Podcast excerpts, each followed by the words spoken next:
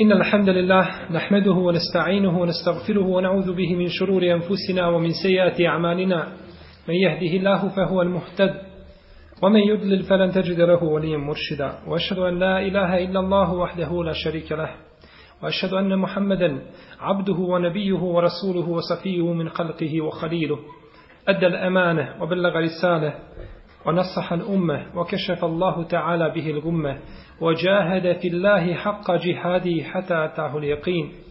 يا أيها الذين آمنوا اتقوا الله حق تقاته ولا تموتن إلا وأنتم مسلمون. يا أيها الناس اتقوا ربكم الذي خلقكم من نفس واحدة وخلق منها زوجها وبث منهما رجالا كثيرا ونساء. واتقوا الله الذي تساءلون به والأرحام. إن الله كان عليكم رقيبا. يا أيها الذين آمنوا اتقوا الله وقولوا قولا سديدا. يصلح لكم أعمالكم ويغفر لكم ذنوبكم. ومن يطيع الله ورسوله فقد فاز فوزا عظيما.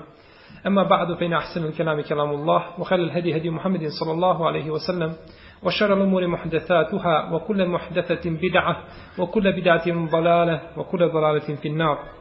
ثم Mi smo u našem zadnjem druženju govorili o hadisu Ajše radijallahu ta'ala kome kaže Kana Rasulullah sallallahu alaihi wa sallam jesteftihu salate bit tekbir wal qirajati wa bilhamdillahi rabbil alamin وكان إذا ركع لم يشخص رأسه ولم يصوبه ولكن بين ذلك وكان إذا رفع رأسه من الركوع لم يسجد حتى يستوي قائما وكان إذا رفع رأسه من السجدة لم يسجد حتى يستوي قاعدا وكان يقول في كل ركعتين التحية. وكان يفرش رجله اليسرى وينصب رجله اليمنى وكان ينهى عن عقبة الشيطان وينهى عن وينهى أن يفرش الرجل ذراعيه افتراش السبع وكان يختم الصلاة بالتسليم. Kaže Ajša radijallahu ta'ala anha da je poslanik sallallahu alejhi ve sellem počinjao svoj namaz sa tekbirom i učenjem alhamdulillahi rabbil alamin. Sa učenjem i sa alhamdulillahi rabbil alamin. A kada bi učinio ruku, ne bi svoju glavu spustao, niti bi je dizao, nego između toga. A kada bi digao glavu sa rukua, ne bi učinio ponovo seždu dok se ne bi ispravio potpuno u sjedećem položaju. A, prostite, a kada bi digao glavu svoju sa, sa, sa rukua, ne bi učinio seždu dok ne bi se, znači, ispravio potpuno u stajaćem položaju. A kada bi digao glavu sa sežde, ne bi učinio drugu dok ne bi se, znači, potpuno smirio sjedeći. I na svaka dva rekiata je učio etehije ili etehijatu. Položio bi lijevu nogu, a uspravio bi desnu, znači na sjedenju. I zabranio je anukbeti šeitan, da se sjedi kao što šeitan sjedi. I zabranio je da čovjek spusti svoje podlaktice na zemlju kao što to čini divljač. I završavao je namaz sa selamom.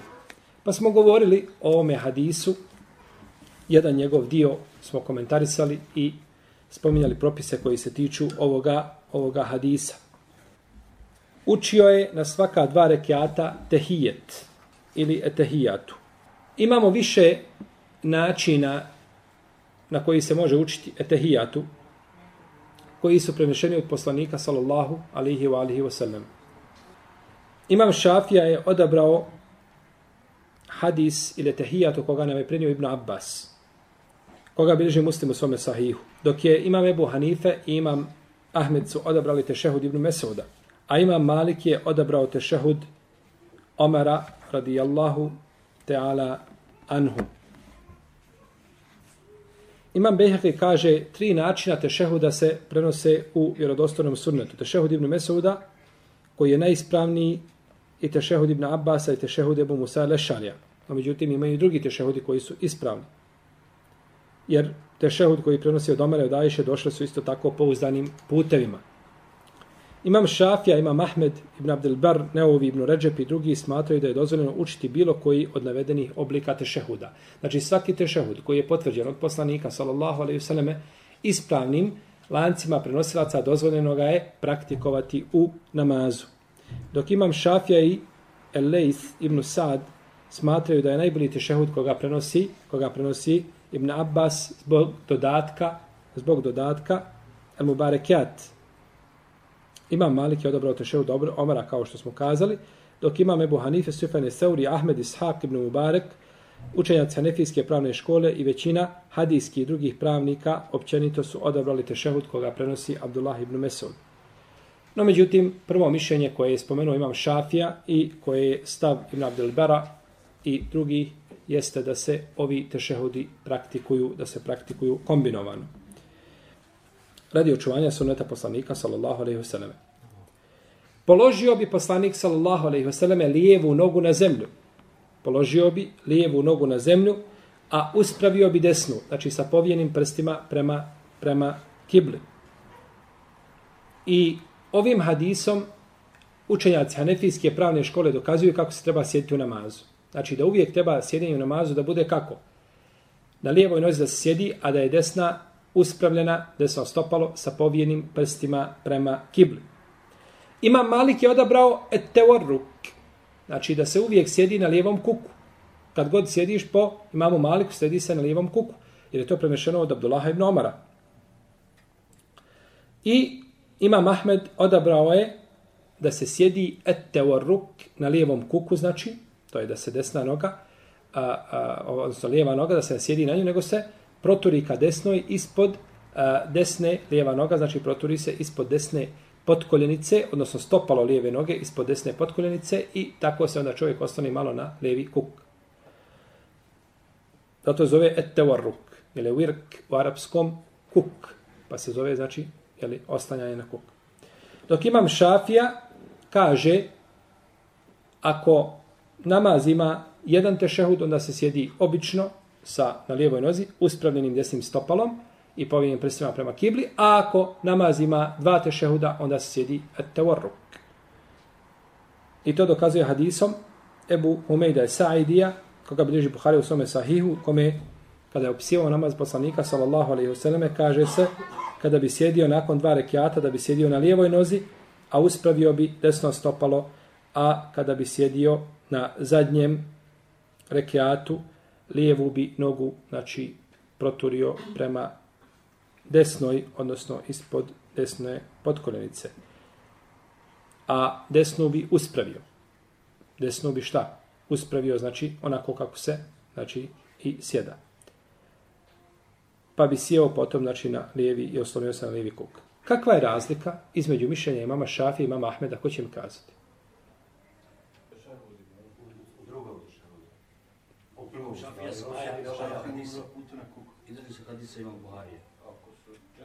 Dobro, drži se hadisa i, i imam Ahmed se drži hadisa, ali hoće da znam razliku između mišljenja imama Ahmeda i mame Šafije. Ponovit ću vam mišljenja. Imam Ahmed kaže da se, on kaže na četvororeketnim namazima da se na zadnjem sjedenju osloni šta na lijevi kuk. A imam Šafija kaže kada namaz ima tri rekiata, odnosno kada namaz ima, oprostite, ne, ne, kada namaz ima dva tešehuda, onda se sjedi na uh, onda se sjedi na zadnjem tešehudu tevorruk, ostavi se na levi kuk. Gdje je razlika između dva mišljenja? Kako prvom sjedinju? Pa dvojica kažu isto prvom sjedinju, sjedi se normalno. Ponovit ću vam, ponovit ću vam, braći. A neće vas pustiti dok mi ne odgovorite. Jel u redu? Imam Ahmed kaže, kada namaz ima četiri rekiata, onda se na zadnjem rekiatu, na zadnjem sjedenju, sjedi tevorruk. Osnovni što na levi kuk. Imam šafija kaže ovako, kada namaz, samo polako, kada namaz ima dva tešehuda, onda se na zadnjem tešehudu sjedi tevorruk. Kakva razlika ima dva mišljenja? Ima li razlike? Gdje je razlika? U akšamu, braće, završeno priču, u akšamu. Razlika je u akšamu. Zato što imam, Ahmed kaže, ako, ako ima četiri reki, na četvoro rekiatnim namazima, da sjedi kako? Na lijevom kuku. A imam Ahmed, imam Šafija je precizniji pa kaže, ne, namazi koji imaju dva sjedenja. Ha, namaz koji imaju dva sjedenja. Pa kad bi klanjao recimo vitr sa devet rekiata i sjediš na osmom, pa se ustaneš na deveti i onda sjediš kako sjedi na devetom? Tevorruk, jer imaš šta dva? Tešehuda. Kod imama Ahmeda kaže četvororekiatni. Pa ima Ahmed isključio trorekiatni, znači akšam, i isključio je šta sve mimo toga što ima više rekiata, ima dva sjedenja. Je u redu? To je znači razlika između dva, između dva mišljenja. Mesebi mama Šafije da žena u namazu sjedi kao muškarac. I to je ispravno mišljenje. Žena u namazu sjedi kao muškarac. Sav namaz i svi pokreti žene u namazu ili forma obavljanja namaza je ista kod muškarca i kod žene bez razlike. Zato što je poslanik sa osaleme rekao Sallu kemaro ejtumuni usalli. Klanjajte onako kako vidite da ja klanjam. Znači, te se riječi odnose na kako muškarce, tako šta i na i svi propisi. Vaqimu salate, wa zekijate, vatesimu wa billahi, ovaj, ođahidu fillahi haka džihadi, svi se odnose propisi na muškarce i na žene. Osim ako ima argument koji bi šta? Žene u određenom segmentu znači izdvojio. Jel u redu? Ako bi žene u određenom segmentu znači izdvojio. Pa žena sjedi kao muškarac u namazu. Znači nema nikakve razlike. I došlo je kod imama Buharije u njegovoj maloj povijesti sa ispravnim lancem prenosilaca od Umu Darda Sugra da je sjedila u namazu kao što sjede ljudi, a bila je izraziti poznavaoc fikha islamskog. A sjedila je u namazu kao što sjede muškarci. Jer neki učenjaci smatraju da žena sjedi a, da, da, da povije noge naprijed kada sjedi i noge privuče sebi. Kao što vi ovako sjedite na predavanjima. Da tako žena sjedi. To su mišljenja nekog dijela selefa. Jel? No, međutim, ispravno da žena sjedi u namazu kao što sjede muškarci. Pa će, znači, sjediti a, teorruk. Imamo, a, kada je u pitanju teorruk ili sjedenje, imamo ovaj način koga su spomenuli. A to je da klanjač, znači, lijevu nogu, da je proturi ispod desne šta? Potkoljenice. Lijevo bi stopalo, bilo ispod desne potkoljenice, a desna je znači noga šta? Uspravljena sa povijenim prstima prema kibli. To je jedan vid teoruka. Imamo drugi način teoruka, a to je da se isto tako proturi lijeva noga, ona je uvijek u tom kontekstu, proturi se, i desna, I znači bivaju obadve šta stopala izbačena u desnu stranu.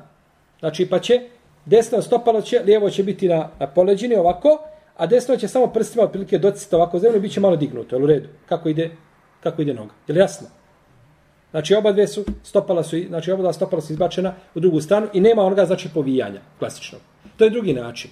Treći način je da lijeva noga ide, znači udesno, no međutim desna se okrene i položi se stopalo. Unutrašnja strana, znači šlanka, se položi na zemlju, a lijeva se proturi iznad, lijevo stopalo ide između potkoljenice i butine. I stegna, je u redu? Pa dođe potkoljenica, haj pokazat ćemo to nakon predavanja, znači demonstrativno da vam sad ne patite. A dolazi, znači, dolazi ispod, jeste, dolazi, znači, ispod a, a između znači butine ili ili stegna i i potkoljenice između njih. A lijev, a desno stopalo je položeno potpuno na zemlju. To su tri načina koja su došla u vjerodostojnom sunnetu, ispravna.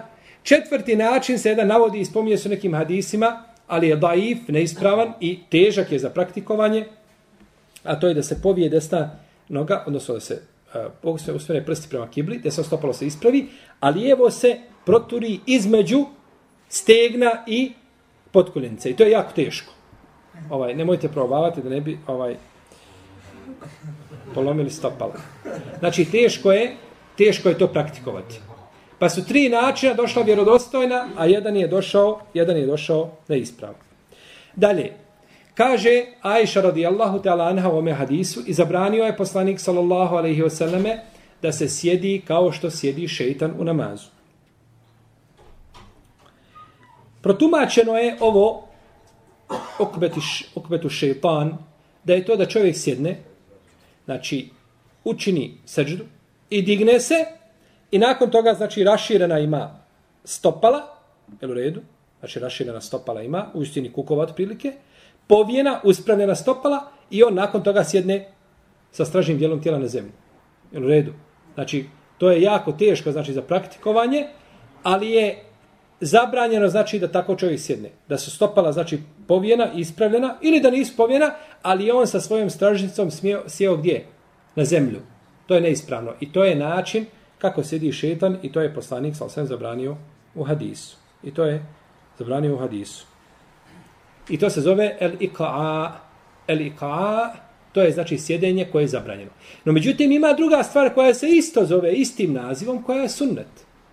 Jedna stvar se naziva sa dva na, ista naziva, ha? u stvari, da kažemo, jedan naziv za dvije različite stvari. Jedna stvar sunnet, a druga šta? Zabranjena. Druga je oponašanje šeitana. Pa je mekruh ili ne na stepenu harama. A druga je sunnet i dozvoljena. Pa kada se spomene elika, moramo znati znači šta su time fakihi ciljali. Kada su to kazali. A elika koji je dozvoljen jeste da čovjek skupi stopala, da povije prste prema kibli i da sjedne na tetive svojih stopala, na poleđine gore stopala, znači sjedne tako da bija faktički, znači sjedi na stopalima. Tako se je sjedilo između, i tako se može sjediti samo između dvije seđde. Znači ne na tešehudu, govorimo o sjedenju između dvije šta? Srđde. I tako je preneseno sa vjerodostanim lancem prenosilaca od ibadila. Ibadila to su, to su tri Abdullaha, jeste, to su tri Abdullaha. To je Abdullah ibn Omar i to je Abdullah ibn Abbas i Abdullah ibn Zubair i neki dodaju da je tu i Abdullah ibn Amr ibn As. U svakom slučaju, ovaj prenosi se od Ibadila i kaže Ibn Hajar u svome dijelu Etel Hisul Habir da je ova predaja vjerodostojna i tako kaže isto šeh Albani u svome dijelu Irmaul Galil. Pa je ovaj znači, način sjedenja dozvoljen i on je prenešen od Ibnu Abbasa da je tako činio i da je rekao da je to sunnet poslanika sallallahu alejhi ve sellem. No međutim nije sigurno nije sigurno bio stalni sunnet jer je to znači prenešeno da je a, Ibn Abbas to je prenio dok to nisu prenosili drugi ashabi, a da je to stalno činio Resulullah sallallahu alejhi ve selleme, to bi nam bilo sigurno dostavljeno i to bi nam bilo prenešeno. I kaže dalje Ajša radijallahu ta'ala anha i zabranio je poslanik sallallahu alejhi ve selleme da čovjek da e, položi svoje podlaktice na zemlju kao što to čine iftraše seba, kao što to čine divljač, kao što to čini divljač. Znači da čovjek spusti svoje, i to se često može vidjeti kod klanjača, našto kod stariji koji ne poznaju propise, znači da spusti svoje podlaktice i to je, to je zabranjeno. Već treba, znači da digne, da ih digne od zemlje, da ih digne od zemlje. I ovim je, ovo je zabranjeno iz dva razloga. Prvo što je to, time se ponašaju šta? Životinje. U jednoj predaji se to ponaša time pas. Jel u redu? To je došlo iz u vjerodostojnom hadisu. A ome hadisa navodi ovdje divljač. I to živi isto tako lav čini, jel isto, kao i pas i slično tome, jel druge divlje, di, druga divljač, jel? A, I druga stvar, zato što je to svojstvo lijenčuge. Čovjek koji je takav, on je sav mrzovoljan, sav pun sebe, nekakav ispusti sve to, ne može, znači, ne može držati ruke dignute, nego se onako sav spusti, padne, znači to je iz ljenosti. A čovjek ne treba, znači, da lijeno obavlja namaz, wa idha qamu ila salati qamu kusala. A kada ustanu namaz, ustaju kako? Lijeno, to je namaz munafika. Pa čovjek, znači, to ne priliči vjerniku da klanja, da bude u namazu onako mrzovoljen, sav nekakav nikakav, kad diže ruke, jedva to diže kao da mu je teško. To ne, to nije ispravno. Znači, čovjek kada radi u firmi od 8 sati, od, od početka do kraja, ucuguje u istom tempu. Ne popusta. Jer zna, ako popusti da će mu biti upisano, znači, negdje tamo, jeli u crni defter da će biti priveden, da popusta u zadnjim satima. Pa će biti prvi na list da bude otpušten, je tako? Tako čovjek u namazu, kada počne namaz da obavlja, treba da obavlja ispravno. Nikakvo dizanje ruku, polovično vezanje, kada i veže. Ne može i vezati, čuje, nego je ovako stavi. Ovako i stavi. Muka ti svezati, staviti kako je poslanik, sa sam činio. To je pogrešno. Ili spustanje na seždu, da kada čovjek pada, ili puhanje u namazu. Pa puše čovjek u namazu. To je zabranjeno. Čak je neka ulema smatrala Selefa da je puhanje ko pričanje u namazu Čovjeku je zabranjeno da uđe u namaz, Zato se zabraniti da trčiš do namaza, da uđeš u namaz, a ti zadihan. Neko polako. Kaže, poslanik sam hadis, koga bliže Budavodi, Tabarani i drugi, idite polako, ko, ko ide prema, prema džami, neka ide polako. Šta stignete, klanjajte, šta vas prođe, naklanjajte. Pa bolje ti jedan rekja stići za imama i lijepo ga klanjati i naklanjati ostalo, nego požuriti i nakon toga doći i tri rekiata pušeš, ometaš i, i niti sam ti klanjaš i ometaš samo druge koji spori tebe. To je znači neispravno. Pa hoće šerijat od nas da priđemo namazu staloženi i mirni i da tako završimo naš i da tako završimo naš namaz. Okane jahtimu as salate bit teslim. I završavao je Rasulullah sallallahu alaihi vseleme namaz sa predajom selama.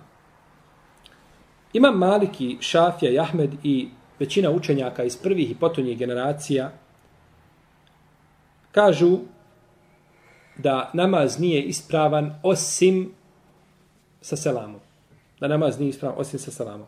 Dok kaže imam Ebu Hanife i Sauri ili Uzai da je selam sunnet. Jel u redu? Da je selam šta? Sunnet. Pa vidimo znači da ima oko rukna, ima razilaženje. Jedni kažu rukn, drugi kažu šta? Sunnet. Ima razilaženje i to nije rekao samo Ebu Hanife, rahimehullahu ta'ala, da jeste to je dovoljno, jer Ebu Hanifno mišljenje znači uh, uzima se kao validno. Čija mišljenja uzimamo validna? Šitska. Šitska mišljenja uzimamo kad se raziđu. Razišla se džaferije ili imamije ili Zaidije, Ne, nikakve pouke nema. To što se razišli, to nas ne zanima. Ja se razišli, ja se složili. Kod nas je to svejedno. Nikakve razlike nema. Jer vaše mišljenje kod nas, mi ga pomnožimo sa nulom. Znači, nikakve vrijednosti nema. Dok mišljenje Ebu Hanife i tekako, i mama Malika i tekako, i mama Euzaije i tekako, i mama i tekako. I dok se jedan učenjak raziđe, nema, nema konsensusa. Jel u redu? Osim ako je konsensus bio prije tog učenjaka kod Asaba i Tabina, to je drugo. Allahu dragi, to je drugo. No međutim, razilaženje desilo se i umet se složio na jednom, neko od imama rekao suprotno i imam, nema konsenzusa. Jer to je, znači, može biti da je to mišljenje slabo, i da, ali nema čega? Nema konsenzusa. Tako da je, znači, mišljenje ovaj, a, jeli, ili mišljenje zalutalih poput Ibnu Sine, Ibnu Arabija i tako dalje, isto. Nikakve pouke njihova mišljenja nemaju, zato što oni ne pripadaju ehlu sunnetu i pitanje opće da li pripadaju muslimanskom umetu. Ebu Hanife, rahimehullahu ta'ala, kaže kada bi čovjek na kraju namaza na zadnjem tešehudu, učinio bilo šta što kvari namaz, namaz mu je ispravo. Na zadnjem tešehudu boravi, završio se tešehudom i pusti vjetar. Izgubio je šta? Ali mu je namaz završen i potpun. Jer je ostavio šta? Sunnet. Ostavio sunnet. To je razilaženje, jer ruknile su, to je razilaženje, ruknile sunnet. Pa je ostavio šta? Sunnet. Pa bi mu namaz bio, pa bi mu namaz bio ispravan namaz bi mu bio, znači, ispravan po mišljenju Ebu Hanife. Ovo, braćo, ne treba da čovjek shvati kao, kako je to Ebu Hanife govorio? Kako su to mišljenja? To je mišljenje u smislu propisa selama. Ebu Hanife ti hoće kazati, kod mene selam nije farz, kod mene selam nije rukn.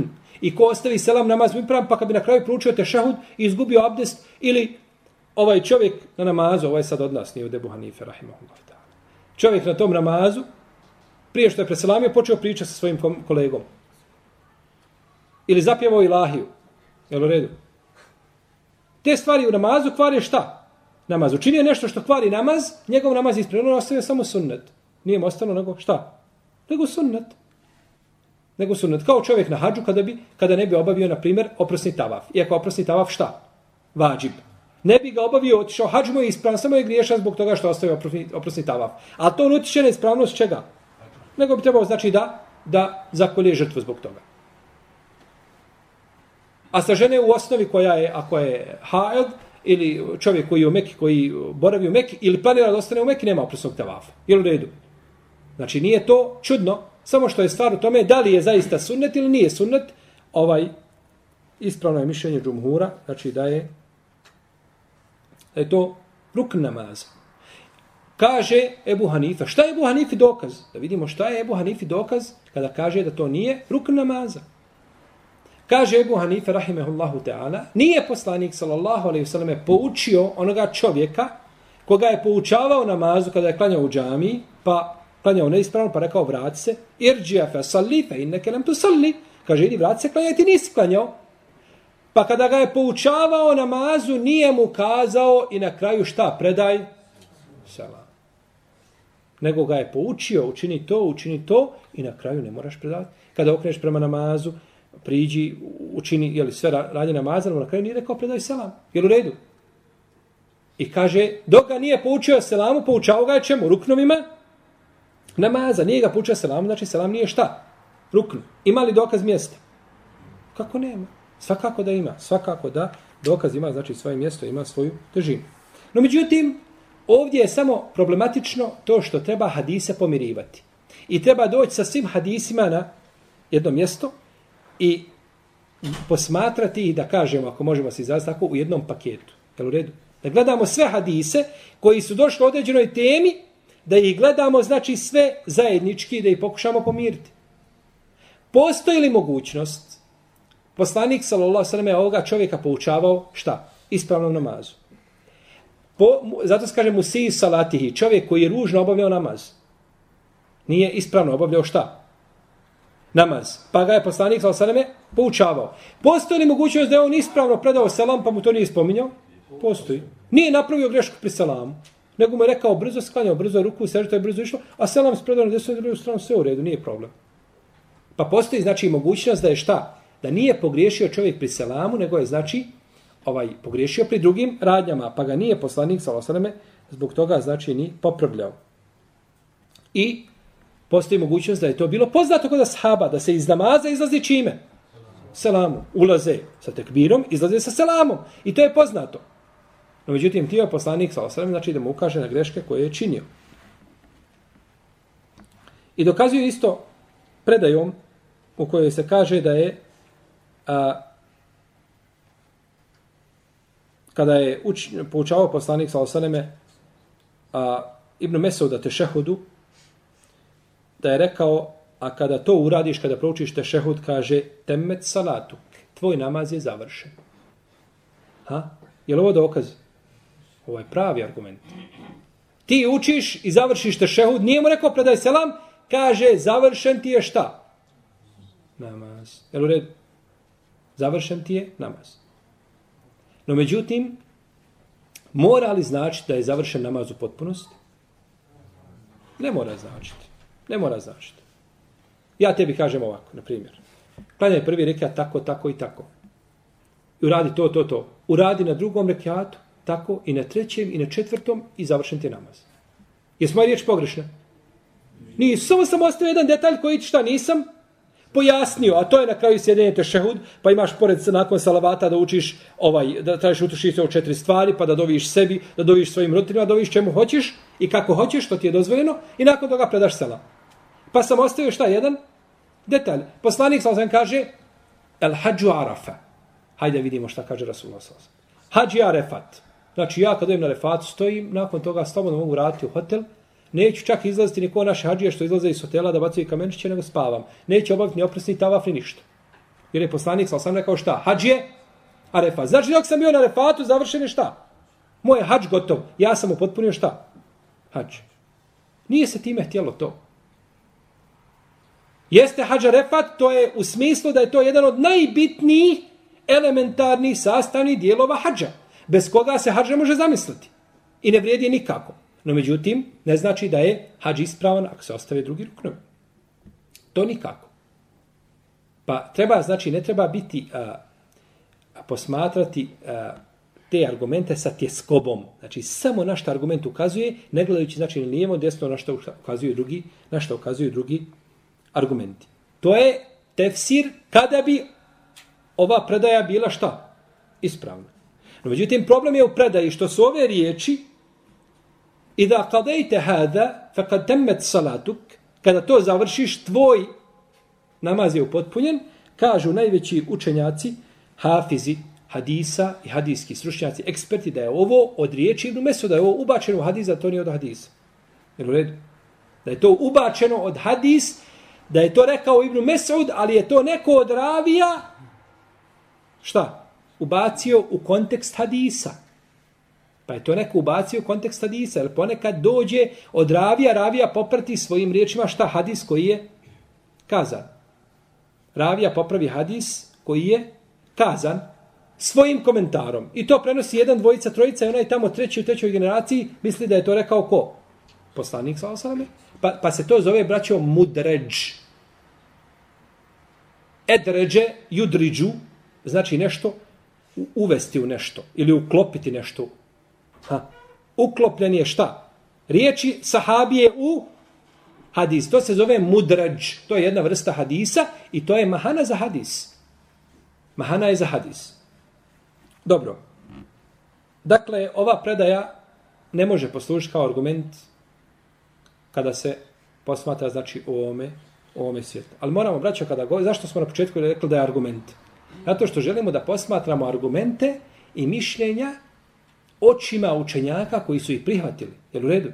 Znači, kada želiš nekome da odgovoriš ili da pobiješ njegovo mišljenje, prvo se stavi u njegovu kožu i posmatra argumente njegovim šta? Očima i njegovim razmišljanjem, pa mu tako nađeš opravdanje za razumijevanje argumenta i onda nakon toga ga popratiš mišljenjem koje ti misliš da je ispravno. Ne mora znaš da je ispravno, jel? Ali tako čovjek znači biva blaži u znači pobijanju mišljenja, odnosno u preferiranju mišljenja ili uzimanju jačeg, uzimanju jačeg argumenta.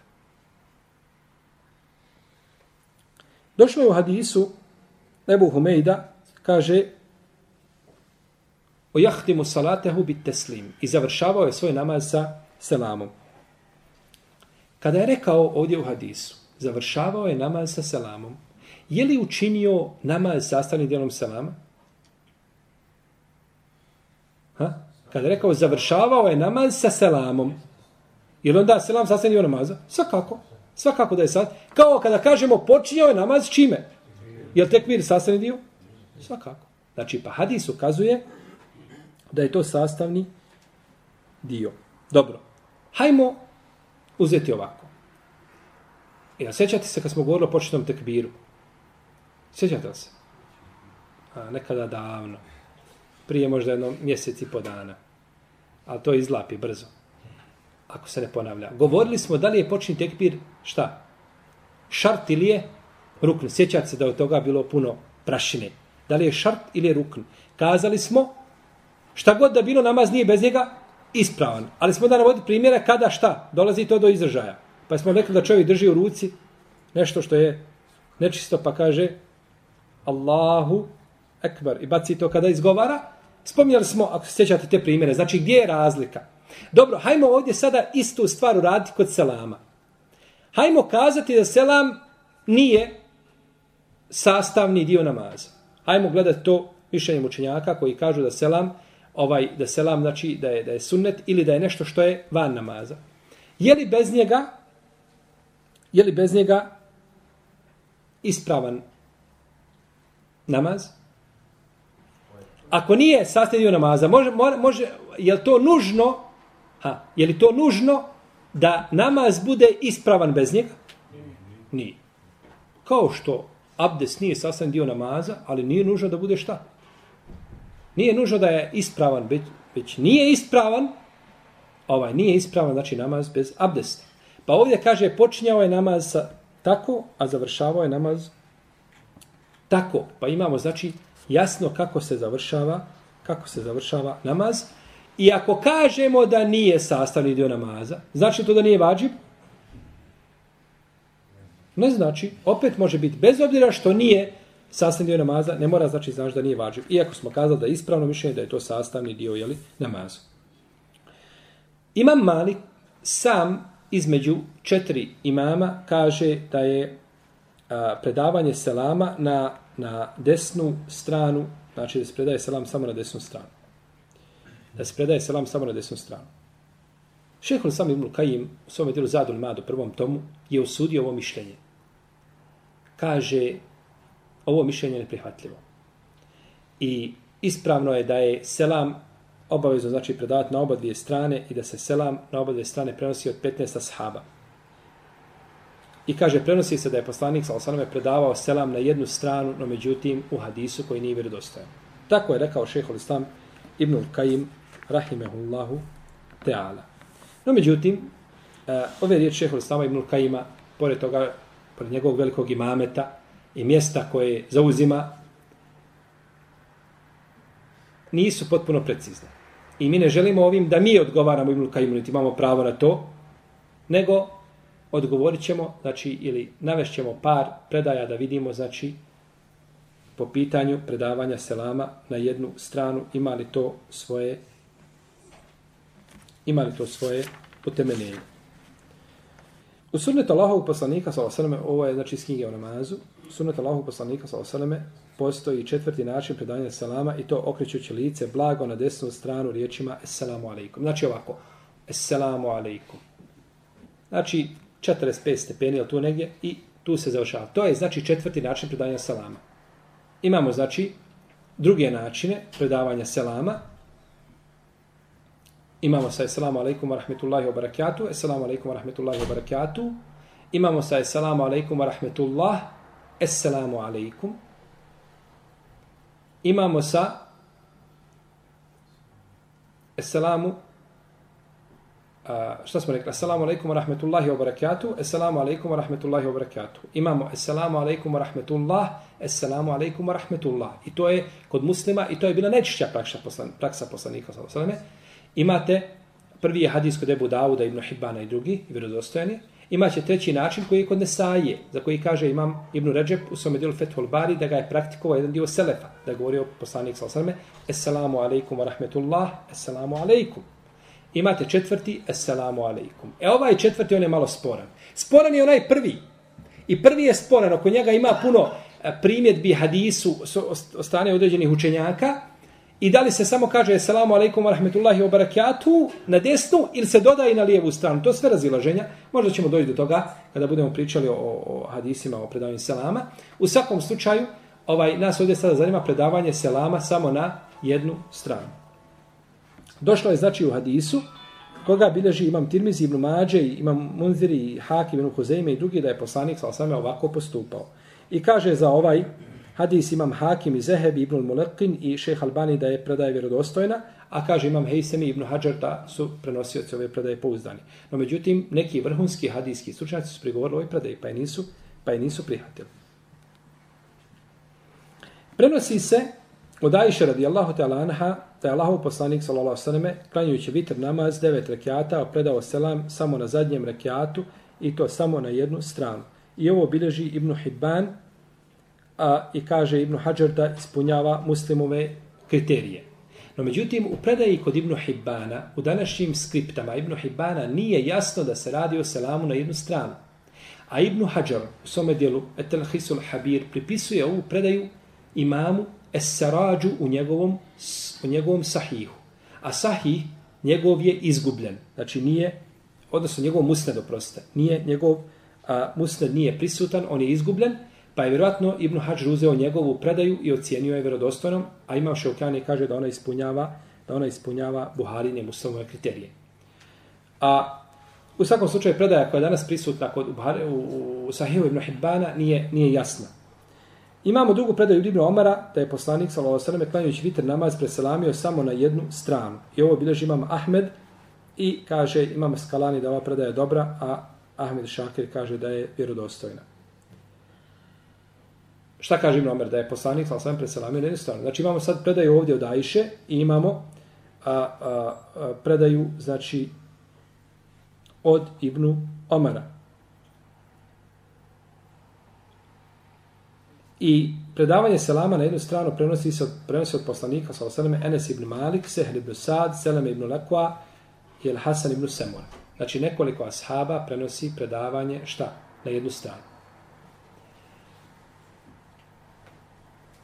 vidimo znači da je to prenešeno sa više različitih sa više različitih znači puteva ovi putevi neki imaju mahane u svojim lancima prenosilaca nekima je pregovarano drugima nije ali vidimo znači da je skupinom znači ovaj e, preko skupine sahaba da je to prenešeno. Dobro uzmimo da su ovi hadisi slabi. Uzmimo mišljenje u Leme da su ovi hadisi slabi jer dok postoji razilaženje znači postoji mogućnost ili njihove slabosti. Prenosi se ispravnim putem od Aisha radijallahu ta'ala da je završavala svoj namaz predavajući selam samo na jednu stranu. I ovo bilježi Ibn Bišejbe i Hakim Ibn Huzeyme i kaže Ibn Hajar da je predaje vjerodostojna. A bratico, Ibn Hajar kad ocjeni, ocjeni predaje vjerodostojnom, to je pečet. Jer Ibn Hajar je ovaj sigurno nakon Buhari i muslima i, i veliki hadijski eksperaka, eksperata dolazi odmah u njihovom, znači u rangu nakon njih. A prenosi Ibn Abi Lejla, poznati tabin, da je predavao selam na jednu stranu i govorio da je Ali ibn Abi Talib tako činio. I ova predaja je kod Ibn Abi Šejbe ima dobar lanac prenosilaca. Znači, imamo Aishu radijallahu ta'ala, imamo Aliju. Jezid ibn Abi Ubejd kaže, vidio sam Selemu ibn Lekwa da je predavao selam samo na jednu stranu. I ovo pileži ibn Munzir sa vjerodostojnim lancem prenosilaca. I predavanje selama se prenosi na jednu stranu od Ibn Omara i Enesa. I Albani kaže, šeh Albani kaže svoje dvije predaje vjerodostojne. I prenosi se isto tako od Urveta i Omar ibn Abdelaziza i Sejde ibn Džubeira i Šehlika ibn Seleme i Hasan al-Basri i Sulejmana ibn Jasara, ibn Sirina ibn Džubeira Suvejda ibn Kaflata, Ebu Alije, Ibn Ebu Eufa, Kajsa ibn Ebi Hazima, Zuhrija i drugi. Znači, ovo su ljudi koji su došli znači, nakon ashaba.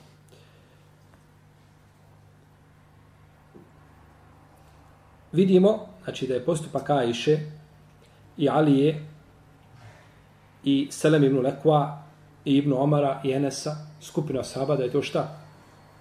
Da je to argument. A nema niko da ashaba da je kazao šta? Suprotno ovome. Nije poznat da je neko kazao suprotno ovome i osudio njehov postupak. I ne bi ovi ashabi ostavili rukn namaza, a, po svome šta? Ištihadu. Možemo svati sunne da ostave. Ali da ostave rukn namaza po svome ištihadu, to je nemoguće. Što ukazuje neminovno, znači da predavanje selama ima svoje utemeljenje. Iako možemo kazati, znači da je, da je ovaj praksa pretežna, preovladavajuća bila da se selam predaje na oba dvije strane. I zato kaže Ibn Munzir, u svome dijelu Eliđma i u Leusatu kaže da su islamski učenjaci složni da se predaje selam na jednu stranu. Islamski učenjaci složni. Ibn Munzir je umro početkom četvrtog hiđskog stoljeća. Što ukazuje znači da je do tog vremena nisu postojala posebna šta? Razilaženje među islamskim učenjama, nego da su ta razilaženja nastala kasnije. Da su do tada znači bila bila znači da je bilo a, poznato to. Zato kaže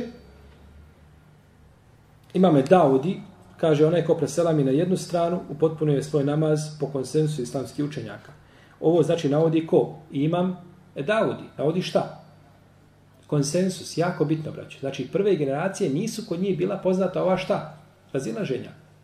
Ili ako su bila poznata, to su bila blijeda razilaženja pojedinci koji su možda kazali suprotno tome. Dok su prava razilaženja ili jača nastala šta? U generacijama razvoja fikha. A kada su generacije razvoja fikha? Koje stoljeće? Treće nije. Treće je hadis. Znači, hadiska nauka je cvatala u trećem stoljeću. Jer tada su rođeni najveći imami. Imam Buhari je umro koje? 256. Imam Muslim 261. Ebu Davud 275. Imam Strimizi 279 ovaj, Ibn Mađe 273. Imam Nesaj nešto kasnije, 303. onih hijđarski umro.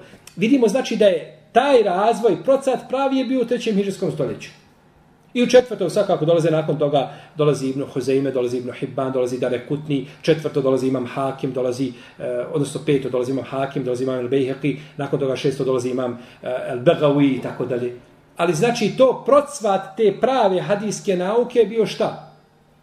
Bio je u trećem u trećem hiđarskom stoljeću. Imam Neovi kaže, priznati islamski učenjaci se slažu da je dozvoljeno granice na jedan selam na desnu stranu. Znači, priznati islamski učenjaci, imam, imam Neovi kada je umro, koje godine? 676. hiđarske godine. 676. umro imam Neovi. Znači, već u sedmom hiđarskom stoljeću je bilo čega dok kaže priznati, znači ima neko ko je kazivao suprot tome. Jer, braćo, fik je tek nakon toga se razvijao. Fik, zlatno vrijeme za fik je bilo peto i šesto i dio sedmog hiđarskog stoljeća. Ali šesto bi moglo biti možda najudarnije za fik. Tada najviše fika zabilježeno i zapisano. Zato ćete naći malo knjiga fikski od imama stedbenika mezheba, na primjer, iz četvrtog hiđarskog stoljeća. Ili iz petog, malo. Malo, puno manje nego što će to biti šta? Iz, iz sedmog, iz sedmog hiđarskog stoljeća, jesno. Ili eventualno iz osmog, jel? Ima u svakom stoljeću je bilo fika. I bilo je prenošeno. Međutim, govorimo o zlatnom vremenu, mislimo o vremenu zapisivanja, jel? Zapisivanja. Ibru Abdul Bar i Imam al-Kurtubi kažu, nije nam preneseno ni od jednog islamskog učenjaka, bilo iz Hidžaza, Iraka, Šama, Egipta, da je usuđivao predavanje salama samo na jednu stranu. U drugom dijelu Ibn Abdul Bar kaže, dozvoljeno je preselamiti na obje ili samo na jednu stranu. Oba postupka su prenesena od prvih generacija, što ukazuje na utemljenost različitih stavova. Imam Tirmizi kaže, najispravnije predaje govore o predavanju selama na obje strane. To je mišljenje većine ashaba, tabina i islamskih učenjaka nakon njih. Preostali ashabi i drugi učenjaci smatraju dozvoljenim predati selam na samo jednu stranu. Neki islamski učenjaci su prigovarali hadisma o predavanju selama na jednu stranu, no međutim, e, mnoštvo ovih predaja ukazuje znači da su oni da su oni utemeljeni. A ovi ashabi koji izgovorili da se predaje selam na dvije strane, oni nisu porekli šta predavanje selama na, na jednu. Nego, znači, nasledili su to od poslanika sa osaneme i vidjeli da se predaje na dvije strane i nakon toga su radili po njegovoj pretežnoj praksi. A nisu porekli šta? Predavanje selama na jednu stranu. No, međutim, kako smo kazali, u većini slučajeva poslanik sa osademe nije predavao nego selam nego na nego na oba dvije strane. Jel? Predavao selam na oba dvije strane. A neki zahirijski učenjaci i neke malikije kažu da je obaveza preselamiti čovjeku na oba dvije strane. Znači da je to obaveza i kazali smo da je to stav nekih učenjaka jeli, iz kasnijih generacija. No, međutim, navodi Ibn Molekin da je to suprotno konsensusu. Ako ima konsensus koji je spomenut, a Ibn Molekin kaže da ima šta? Konsensus. Kaže, ovo je suprotno konsensusu min qablihim. Wa hada mukhalifun lil ijma' min qablihim. To se kosi sa konsensom prije njih. Prije koga? Prije uh, mama Ibn Hazma, Ibn Hazma je živio znači u petom hijđarskom stoljeću i prije ovaj neki malikijski učenjaka koji su došli nakon imama Malika. Pa imamo sad tri učenjaka koji nam spominju konsensus. Ko su oni?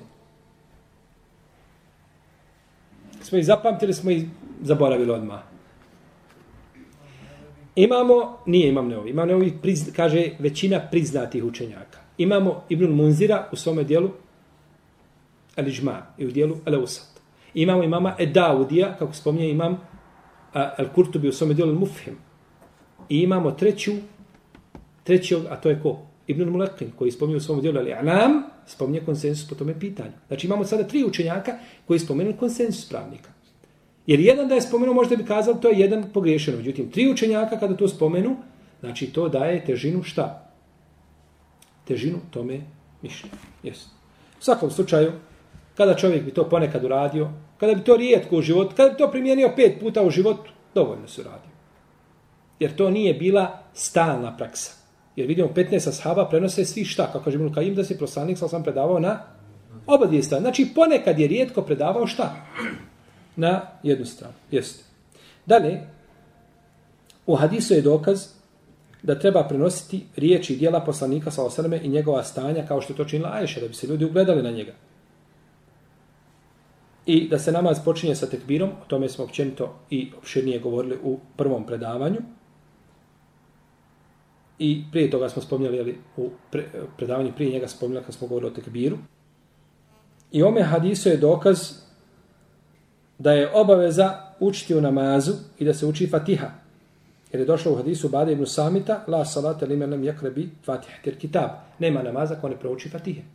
Nema namaza ko ne prouči šta? Fatihe. A u predaju kod Dare Kutnija i kaže za da je vjerodostojna, došao je da je rekao Resulullah sallallahu sallame, la tuđziju salatun la jakravu fiha ar rađulu bi fatiha tir kitab. Nije a upotpunjen ili nije prihvaćen namaz, nije zadovoljavajući namaz čovjeka koji ne uči Fatihu u njemu. I ome hadisu je dokaz nazivanje sura njenim početkom. Odnosno, uh, uh, Fatiha je nazvana Al-Fatiha zato što ona koja otvara. Šta otvara? Kur'an počinje, znači njome se počinje Kur'an. Kao što su druge znači sure nazivane po njenim početcima. Ovaj, Taha. Naprimjer, nazvana je čime? Po početku sure. Sura Nuh, nazvana imenom poslanika. Jusuf, Hud, Muhammed. U redu. Nazvane znači po imenima čega? Poslanika. Pa znači sure bivaju nazivane na različite načine. Ili biva nazvana recimo po poznatoj priči koja se desila. Kao priča Kef. al -Bakar. Znači nije bitno Al-Kef, isto tako. Znači sve je to po priči ili ljudi koji su vezani za to ili događaj sličan koji je u njoj pa je povodom tog događaja, odnosno njim nazvana ta sura. I nazivanje braće sura je Emr Teuqifi, odnosno objava. Poredak ajeta u surama je objava. A šta je poredak sura u Kur'anu? Kad to objava? To je raziloženje. Ima mnogo uleme koji kažu da je to i čtihada sahaba. Da je poredak sura šta u Kur'anu i čtihad? On je rekao, Resulullah s.a.v. nije baš tako rekao. Resulullah s.a.v. rekao, stavi taj i taj ajet u tu i tu suru prije tog i tog ajeta, a poslije tog i tog ajeta. Ali nije rekao, stavi tu suru ispred te, a tu iza te. Pa to je razlika. Pa zato se razilaže po poredku sura u Kur'anu. Da li su one ičtihad ili su objava? Kada bi se promijenio poredak ajeta, bilo to izmijenilo značenja i kontekste i svakako. A sure ako promijenimo? Ne bi. Sura je svaka zasebna cijelina. Od početka do kraja. S tim što je mnoga ulema pokušala da prikaže završetke sura sa početkom i vezu. I kada se pogleda čvrsto, vidite da svaka sura sa narodom ima, ovim onim putem ima vezu. Nečim su povezane. Pa kao da je Kur'an, kao da su to karike, 114 karika koje su nanizane jedna na drugu. Sve povezane, jedna cijelina. No međutim, bilo ovo ili ono razilaženje među islamskim učenjacima, da li je to poredak ili nije, u svakom slučaju šta god da bilo, to ne promijelo ništa. Jer ako mi stavili suru, kada bi stavili suru eh, uh, nas na početak Kur'ana, ništa. Ostaje vrijednost Fatihe, vrijednost njena, vrijednost ajetul kursije, ajetul kursije, suret Jasin ima svoju vrijednost, sure za koje su došle, ili, o, ovaj, za koje su došle dokaz da imaju svoje vrijednosti, imaju svoje vrijednosti. Ne mijenja ništa. A ne mijenja znači ni značenja, ni kontekst, ni bilo šta drugo. Ali, znači, tu trebamo e, znači, znati da ima šta razilaženje među islamskim učenjacima. I u ome hadisu je dokaz da treba potpuno smiriti, znači, leđa na ruku, a i da glavu ne treba dizati niti je spustati, jer je došao u hadisu kod Tabaranije od Ebu Berzeta el Eslamija, da je a, rekao, kada bi poslaniku Salosaleme na ruku posuli vode po leđima, ne bi curila sa njih. Znači posuje, pospeš vode i ona ostane na leđima, znači koliko je bio poslanik Salosaleme poravnat na, na uh, ruku. I zato braćo, namaz se obavlja školski. Ha. Kada se obavlja namaz, ruke stignu Allahu Ekvar. I svežu. Tačno školski. Nema znači nikakve ostupanja, imaš 15 godina staža u islamu i odmah i ti ovaj ruke. Ne, ne, ne, ne. Namaz se obavlja školski. Znači, ispravno, kako je to činio Rasulullah sallallahu alaihi wa alaihi wa sallam. Dalje, u ome hadisu je dokaz da se čovjek treba ispraviti u potpunosti, da se treba čovjek u potpunosti ispraviti kada diže glavu sa rukua. Znači ispraviti se i smiriti se. Radi ovo? Ne radi ovo. Radi? Smanjeno. Dobro. Znači dužnost je čovjeku da digne šta? Glavu sa rukua i da se ispravi u potpunosti i da ne ide znači na seždu prije nego što se smiri u stajaćem šta? U stajaćem položaju. I ome hadisu je dokaz da treba sjediti između dvije sežde. Jer bi poslanik sa osam digao svoju glavu i šta smirio se potpuno u sjedećem položaju. Pa bi nakon toga učinio šta drugu? Drugu seždu. Znači to su sve argumenti koji se nalaze u ome hadisu. I on njima je dokaz da treba učiti tešehud. Kad smo govorili o prvom tešehudu, zaboravio sam spomenuti. Imam Ebu Hanife kaže da selam nije rukn. I da nije vađib, da je sunnet. Ali smatra čovjeku obaveznim, čak ni tešehud, učenja tešehudu ne smatra šta? Obavezom. Ali smatra obavezom da moraš sjediti onoliko koliko se uči šta? Tešehud. Pa kada bi sjeo i odmah pokvario namaz nečim, ne bi mu bio šta ispravan. Ne zbog toga što je izišao iz namaza, ne zbog toga što ga nije šta? Upotpunio. Ne zbog toga što je izišao iz namaza, zato što je izgubio abdest. Ne. Nego zato što je izišao iz namaza prije što ga je upotpunio. Pa ima Ebu Hanife sjedenje za koliko je tešehud smatra šta? Obaveznim. Ali ne smatra znači sami tešehud ili, ili predavanje čega? Selam. I ome hadisu je dokaz da je a, prvi tešehud obavezan i drugi. I to je mišljenje znači mama Ahmeda i sledbenika hadisa. I kažu zato se čini sehvi sežda ako šta? Ako se ostavi, ako se ostavi ovaj tešehud. Kaže imam šafija, prvi je sunnet, a drugi je farz. Dokaže imam Malik i Ebu Hanife da su oba dva sunneti, da nisu vađibi. Samo znači Ebu Hanife smatra šta da treba sjediti na tešehudu, koliko je dužina sjedenja, jel? koliko se sjedi. Ibn Mesud prenosi da je poslanik sa osaleme rekao, poučavao, poučavao nas je poslanik sa osaleme, poučavao nas je, a, poučavao nas je a, tešehudu kao što nas je poučavao, znači, surama iz Kur'ana. Ovu predaj bilježe Buhari i muslimi. Ona ukazuje da je, da je a, a, učenje tešehuda šta? Obaveza, kao što nas je poučavao učenju Kur'ana, tako nas je poučavao i tešehudu. Tako nas je poučavao i tešehudu. I došlo je u drugoj predaji da je rekao i da sada ehadukum feljekul et tehijatu. Kada neko od vas bude klanjao, neka kaže tehijatu. A tehijatu je naredba. Neka kaže, feljekul, neka kaže, to je naredba koja povlači za svom obavezu. Pa kažu, zbog toga se čini sehvi sežda ako čovjek zaboravi šta? Prvi tešehud. Ako zaboravi prvi tešehud. I ome hadisu je dokaz da se na prvom tešehudu, znači sjedi na lijevoj nozi. I o tome smo govorili opširno. I dokaz je da treba čovjek raditi suprotno šeitanu. Da čovjek treba raditi suprotno šeitanu da ga ne smije oponašati. I nema sumnje da je svaki pokret, svaka riječ, svako dijelo, svako razmišljanje, svaki gest, sve što nije u skladu sa šerijetom i suprotno je šerijatu, da je to šeitan, šeitanski pokret. Da je to šeitanski pokret i u njemu nema nikakvog dobra.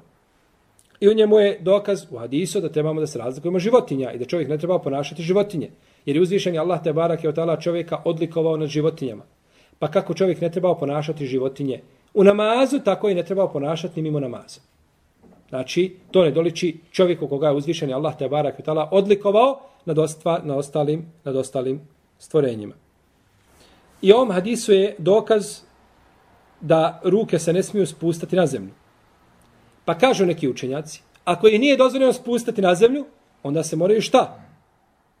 Oni kažu, ako ih ne smije spustati na zemlju, kažu to je dokaz da ih mora raširiti u stranu. Jer mu je zabranjeno šta da ih spusta, već i mora raširiti. Jer ukazuje li hadis na to? Ne ukazuje. To je, to je motanje hadisa i cijeđenje da iz hadisa izvediš ono što u hadisu nema. To možeš uzeti drugi hadisa koji jasno ukazuje kao hadis kod Tirmizije da je poslanik sa osam širio ruke u stranu. I da je moglo jagnje proći ispod znači, njegovog pazuha ili ispod ruke. I u drugoj predaj kaže, sažaljevali smo se nad poslanikom sa osam kada smo vidjeli koliko ruke širi u stranu. Sve sto vjerodostojni hadisi. Ali da dokazujemo to sa ovim hadisom, ne može. Jer ovdje je zabrana spustanja. Kada bi Digol uradio suprotno zabrani, ili uradio suprotno zabrani, jeste, I to je završeno. Ne ukazuje nikako da ruke treba širiti u stranu. Pa treba znači iz argumenta uzeti ono na što argument ukazuje. Ne treba da argumenta opteretiti argument mimo njegovi šta? Mimo njegovi mogućnosti. I ovim bismo završili. Znači, hadis Aisha radijallahu ta'ala anha. I to je bio drugi hadis, a, a, jedan od dužih hadisa, znači u poglavlju svojstava namaza poslanika, salosrme. I nakon toga nam dolazi hadis Ibn Omara i sa njim ćemo inša nastaviti u našem narednom druženju. والله تعالى عالم وصلى الله على نبينا محمد وعلى آله وصحبه أجمعين.